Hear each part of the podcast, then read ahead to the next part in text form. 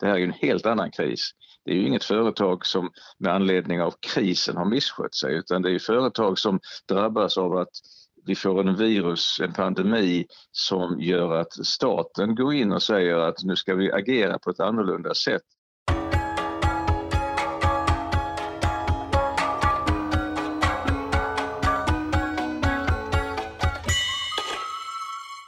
Hej och varmt välkomna till Smedjan-podden. Jag heter Karin Svanberg Sjövall och i dessa räddningspaketens tider har jag idag med mig en äkta krisgeneral för ett av flera samtal om hur man ur ett borgerligt perspektiv egentligen ska se på näringslivets krav på stöd för att kunna övervintra coronakrisen, principiellt och praktiskt. Är det rimligt att staten får ett ökat inflytande över de företag man håller under armarna? Eller ser vi nu en reell risk för en socialiseringsvåg när motståndarna till ett fritt näringsliv mobiliserar under krisen? Och kan man jämföra den globala hjärtinfarkt som nu drabbar världsmarknaderna med tidigare finanskriser? Allt detta ska vi borra i idag. Bo Lundgren, varmt välkommen till Smedjan-podden. Tack så mycket. Trevligt att vara med. Det, det finns en historia som traderas i nästan ändlösa artiklar från din tid som generaldirektör på Riksgälden och då från den 10 november 2008. Eh, och enligt den så var det så att vakterna vill inte släppa in dig på investmentbanken Carnegie. Eh, enligt sägnen ska du då ha spänt blicken i en av dem och sagt att det är jag som äger Carnegie. Är den här historien verkligen sann? Nej, inte som den eh, redovisade i Svenska Dagbladet. Det var de som skrev om det första gången.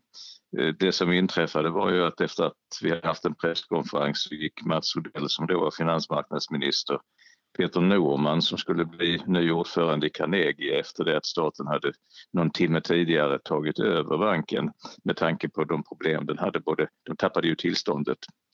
Eh, och när vi kom fram till vakterna så, så sa de, vad, vad har ni här att göra? Ja, vi har precis tagit över ägandet av banken. Så enkelt är det och då blev det mycket roligare för svenskarna att skriva det är jag som äger banken. Eh, jag noterade för övrigt att Anders Borg som känner mig ganska väl skrev i sina minnen om att vara finansminister så skrev han att så har Bo säkert inte sagt och det hade han alldeles rätt i. Mm, ja, skönt, då har vi klarat ut den saken i alla fall. Um, ja. För att det, det kommer ju äh, återkommande äh, citat och, och, berättelser från, från tidigare hanteringar av, av, olika typer av finanskriser. Och jag noterade att Magdalena Andersson sa nyligen i en intervju att det just kan vara aktuellt för staten att kräva ett större inflytande i, i näringslivet, åtminstone i de större företagen, om man också nu går in med pengar. Och så menade hon att det här var då det svenska sättet att jobba, med hänvisning till både 90-talskrisen och finanskrisen 2008. Skulle du säga att det, att det finns en sån svensk samsyn om det? Eh, och tycker du att man kan jämföra de här kriserna rakt av? Ja, det, det är stor skillnad på de här kriserna som vi hade i finanskrisen i början på 90-talet och den kris som vi hade också i Sverige men framförallt i omvärlden när det gällde 2008-2009. Det var ju kriser där finansiella företag hade misskött sig. Visserligen eh, i 90-talskrisen i Sverige så var det en felaktig ekonomisk politik som blev till överhettning och spekulationsbubbla. Men det är klart bankerna begick ett antal misstag och de banker som staten då gick in i var det ju ganska rimligt att, att vi bestämde oss för att aktieägarna fick ta första smällen och i den mån staten behövde gå in så skulle staten ha lika mycket inflytande och ägande i de företagen som man tvingades lägga in för då hade ju företagen misskött sig. Det här är ju en helt annan kris. Det är ju inget företag som med anledning av krisen har misskött sig utan det är företag som drabbas av att vi får en virus, en pandemi som gör att staten går in och säger att nu ska vi agera på ett annorlunda sätt och det sättet blir väldigt negativt för många företag. Man kan inte driva sin verksamhet. Staten går in med permitteringsstöd, går in med andra saker och då är det ju inte företagen som har gjort något fel och därför så bör man också utforma stödet och tankarna kring stödet på ett helt annat sätt. Så du tycker ändå att det spelar en roll ifall ett, huruvida ett företag har kommit på obestånd av, av egen förskyllan, alltså av överdrivet risktagande eller felaktiga beslut, eller om det har skett på grund av en extern chock som egentligen inte har någonting med, med skötseln av företaget att göra. Är, är den principiella skillnaden viktig eh, om man ska bedöma huruvida staten ska kräva ett ökat inflytande? Ja, det tycker jag, det tycker jag definitivt att den är. Alltså det, ett, ett av skälen till att agera så pass tufft som vi gjorde på 90-talet och för den delen som vi gjorde när det gällde Carnegie eh, 2008-2009 Eh, ett av skälen är ju att undvika det här moral hazard-problemet att om man bara tar över och det blir inga kostnader som är kännbara så, så kan man göra om samma misstag igen. Eh, det hände ju i samband med krisen 2008-2009 tycker jag att staterna gick in på ett sätt som gav aktieägarna andrum men som inte tog någonting ifrån dem som gjorde att de fick, om vi uttrycker det så, smäll på fingrarna och sa till dem ajabaja så här gör ni inte igen. Så att det, dels tycker jag det är rätt och dels tycker jag att det, det löser en hel del av det här moral hazard-problemet och man agerar väldigt tydligt om jag uttrycker det så. Mm.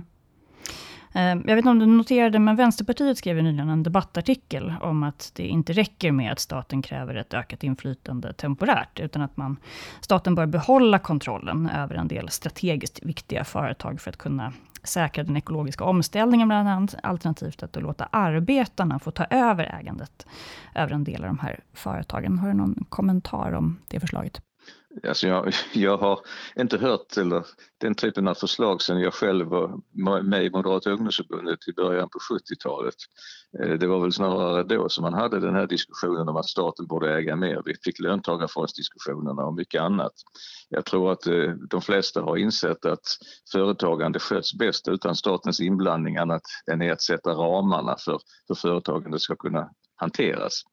Eh, så att det, det, det, är ju självklart så att om, om, staten äger ett företag, låt mig ta ett exempel nu. Om SAS skulle behöva pengar i form av ett kapitaltillskott eftersom staten redan är ägare till en del av SAS så är det klart att det är rimligt att man kanske i så fall tar ett ökat, en ökad ägarandel och det blir en utspädning av andra aktieägare.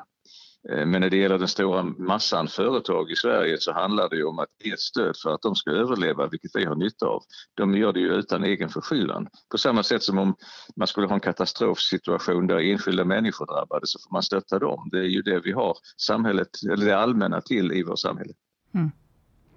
Det finns ju ganska få människor i Sverige som har så mycket operativ erfarenhet av att hantera svåra ekonomiska kriser som du. Så att även om den här krisen skiljer sig från de andra, så kanske det ändå finns en del generella lärdomar att dra. Du var ju minister för Moderaterna under 90-talskrisen, du satt på Riksgälden 2008. Um, ehm, när du jämför olika typer av räddningspaket och aktioner, inte bara i Sverige utan även internationellt, Finns det några särskilt stora misstag som har gjorts som man behöver eh, ha kännedom om? Eh, och finns det tvärtom några, några goda exempel på vad man tvärtom bör göra eller tänka på när man utformar sådana här stödpaket?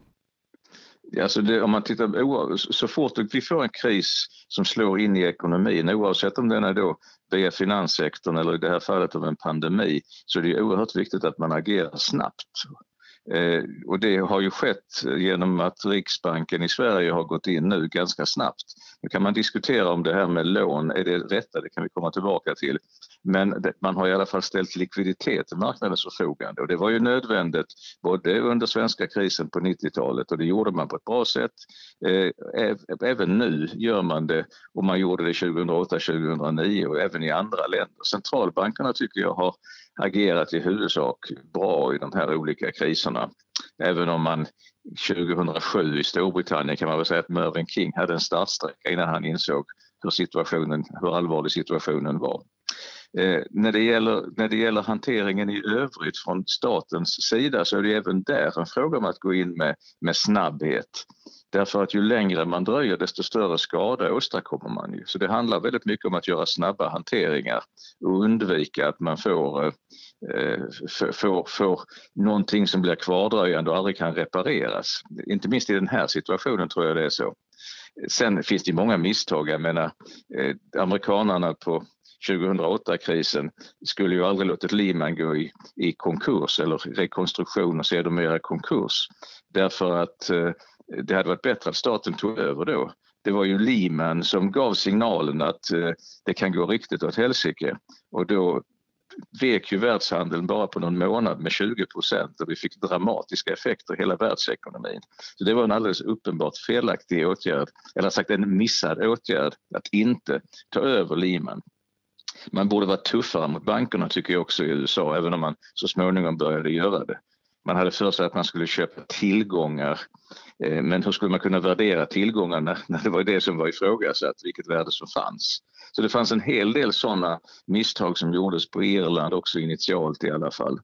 Makroekonomiskt så gjorde man också stora misstag. För när man har en situation där hushållen drabbas väldigt hårt och där hushållen har varit i en överhettningssituation, så var det i Sverige på 90-talet. Och i Spanien, för att ta ett exempel i samband med krisen som kom då 2009-2010 i det europeiska, eh, då måste man låta hushållen successivt få banta ner sina skulder och anpassa sig. Och då kan man inte gå in samtidigt med väldigt kraftiga sparåtgärder. Vi jobbade ju makroekonomiskt i den regering som jag satt i, bortsett från att vi hanterade bankkrisen, med att successivt få in olika besparingsåtgärder. Ta ett exempel som jag själv var ansvarig för, att successivt ta bort de räntesubventioner som hade gjort att bostadspriserna hade ökat alldeles för kraftigt. Att man gör det successivt och så småningom kommer man in i ett läge där ekonomin kan börja växa igen. Så visst har det gjorts misstag eh, av olika slag. Ett argument som man har ganska ofta för att eh, staten ska ta över en del av ägandet i företag som, eh, som man har räddat, det är ju att skattebetalarna ska få tillbaka pengarna när krisen väl är över. Kan man säga något generellt om, om det brukar bli på det sättet? Alltså hur lätt eller svårt är det att generellt sett sälja tillbaka företag som staten har tagit över? Jag förstår att det är en svår fråga, för att det är väldigt olika i olika sammanhang, men jag vet att i England exempelvis, så har man en del erfarenheter av att det har varit, att staten har suttit kvar på ett stort ägande, just därför att det helt enkelt visar sig vara betydligt svårare än vad man trodde, att få igen de här pengarna. Alltså, jag tror att man kan rigga åtgärder på ett sätt som gör att man får tillbaka ganska stor del, om inte allt av pengarna. Om man tittar på det svenska sättet att hantera 90-talskrisen på banksidan så handlade det ju om att de banker som vi tog över, där tittade vi igenom vad var de stora kreditengagemangen som gav förluster.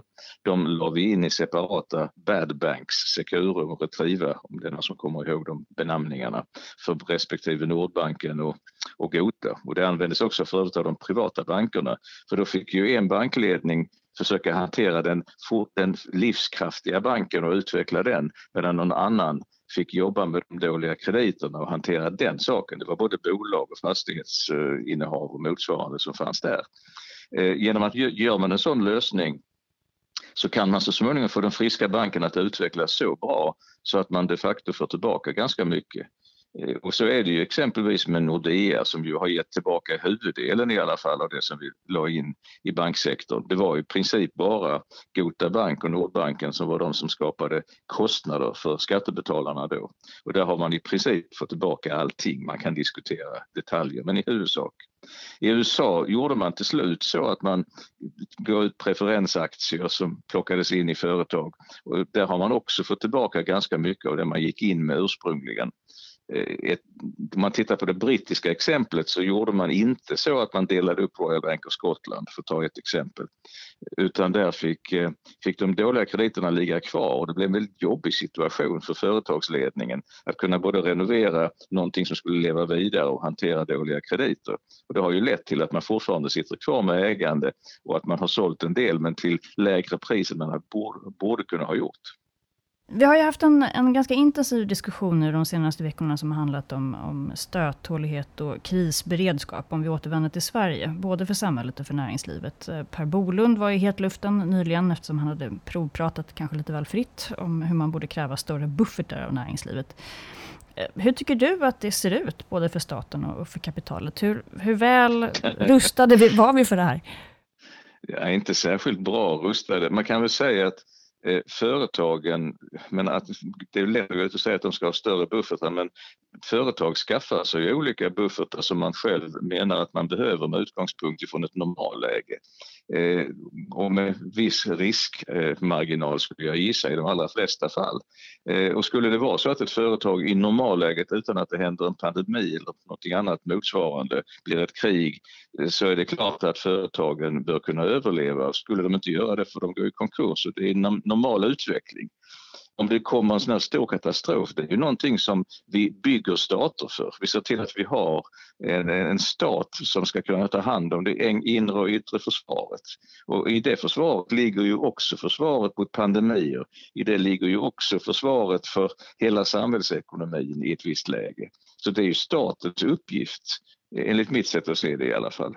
Så det huvudsakliga problemet här är ju att staten, och där kan man väl säga att det har väl olika regeringar av olika form, varit de senaste decenniet i alla fall lika goda kålsupare. Man nedrustade försvaret eh, utan att inse att det här är ju någonting som är en försäkringspremie som man måste betala för vi vet inte vad som händer om ytterligare tio år fram i tiden.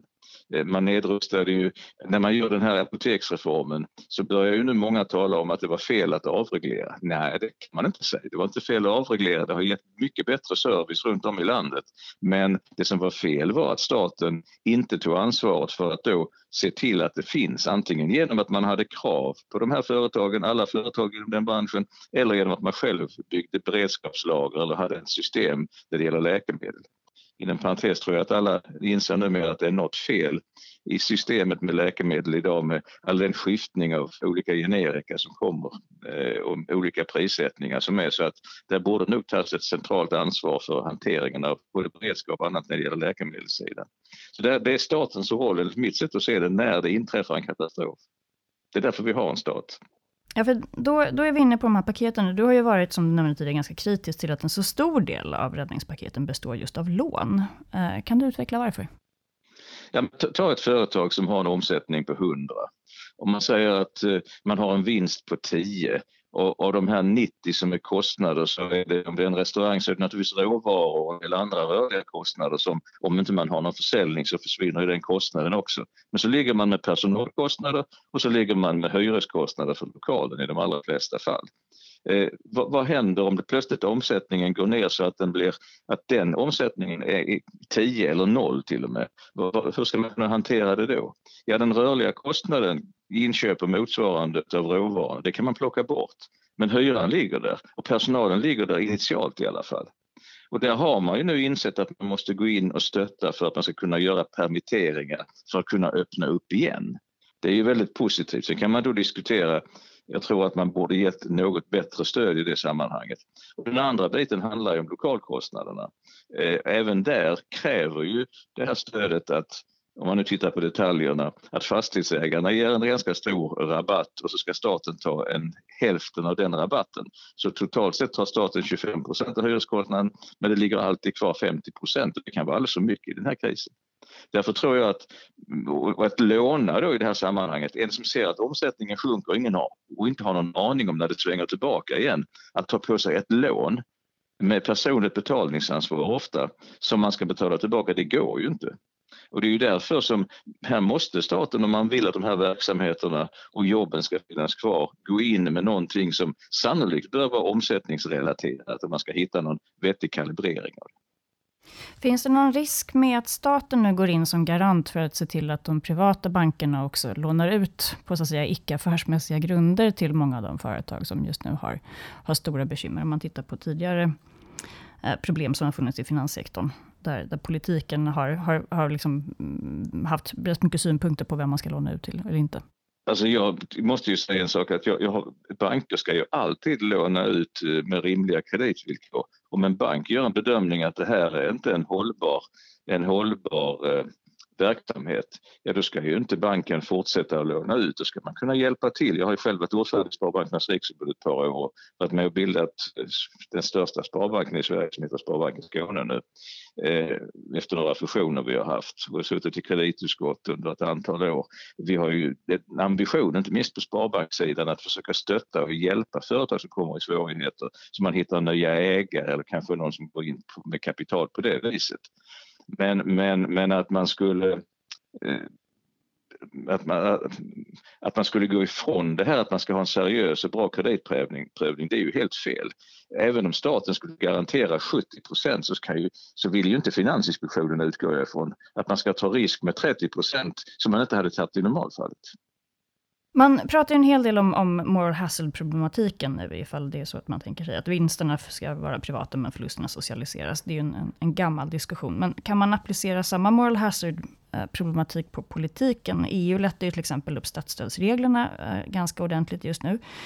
Um, hur ser du på riskerna för att det blir ganska svårt att återgå till en tidigare stramare linje när krisen väl är, är överstånden? Kommer man orka det? Eller kommer man ha flyttat fram positionerna så pass långt att det blir i praktiken omöjligt? Du menar att staten skulle leda fram positionerna långt?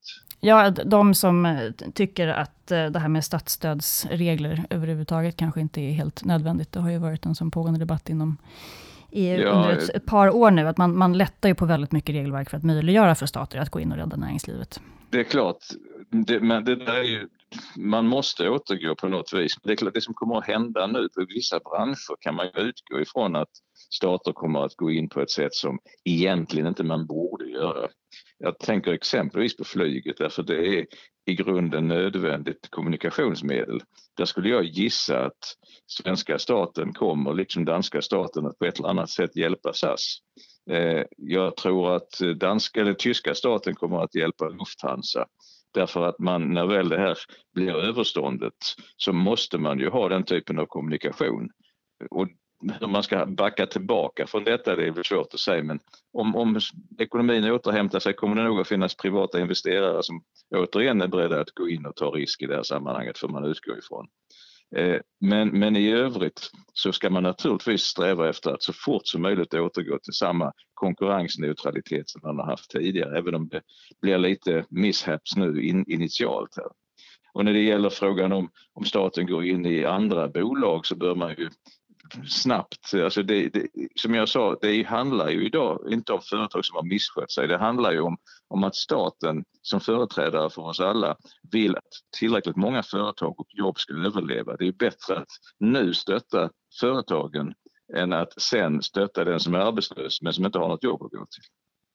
I en eh, intervju i Fokus som jag läste, eh, från, som har ett par år på nacken, så sa du om 90-talskrisen att citat, lagstiftningen fick komma senare, slutcitat. Alltså att riksdagen gav dig och regeringen ett, ett, nästan obegränsat mandat, även om man väl får säga att Socialdemokraterna var, var mer än bara informerade om vad som var på gång.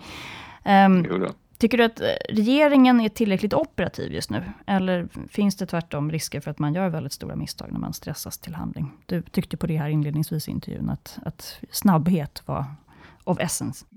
Ja, snabbhet är väldigt viktig och därför man hoppas att det finns snabbhet nu. Eh, det vet jag inte så mycket om i och för sig, men den här intervjun då, nu kommer jag inte ihåg exakt vad, det, vad den gällde och hur den var, men det som inträffade på 90-talet det var ju att vi kom i en akut situation i september Eh, september 1992 där hela det svenska finansiella systemet skulle kunna kollapsa. Och i det läget så, så eh, valde vi att, eftersom vi hade samarbetat med Socialdemokraterna för att ha ett stöd i riksdagen för olika åtgärder. Vi var ju visserligen en fyrpartiregering men vi hade inte egen majoritet, vi hade Ny Demokrati i riksdagen. Och dessutom är det bra med ett väldigt brett stöd. Det gjorde att jag hade haft bra kontakt med Allan Larsson och vi träffades en kväll när det här började liksom rämna i fogarna och kom fram till att nu går vi in med ett stort krispaket varav en ingrediens var att vi garanterar alla fordringsägare, svenska och utländska, i de svenska bankerna.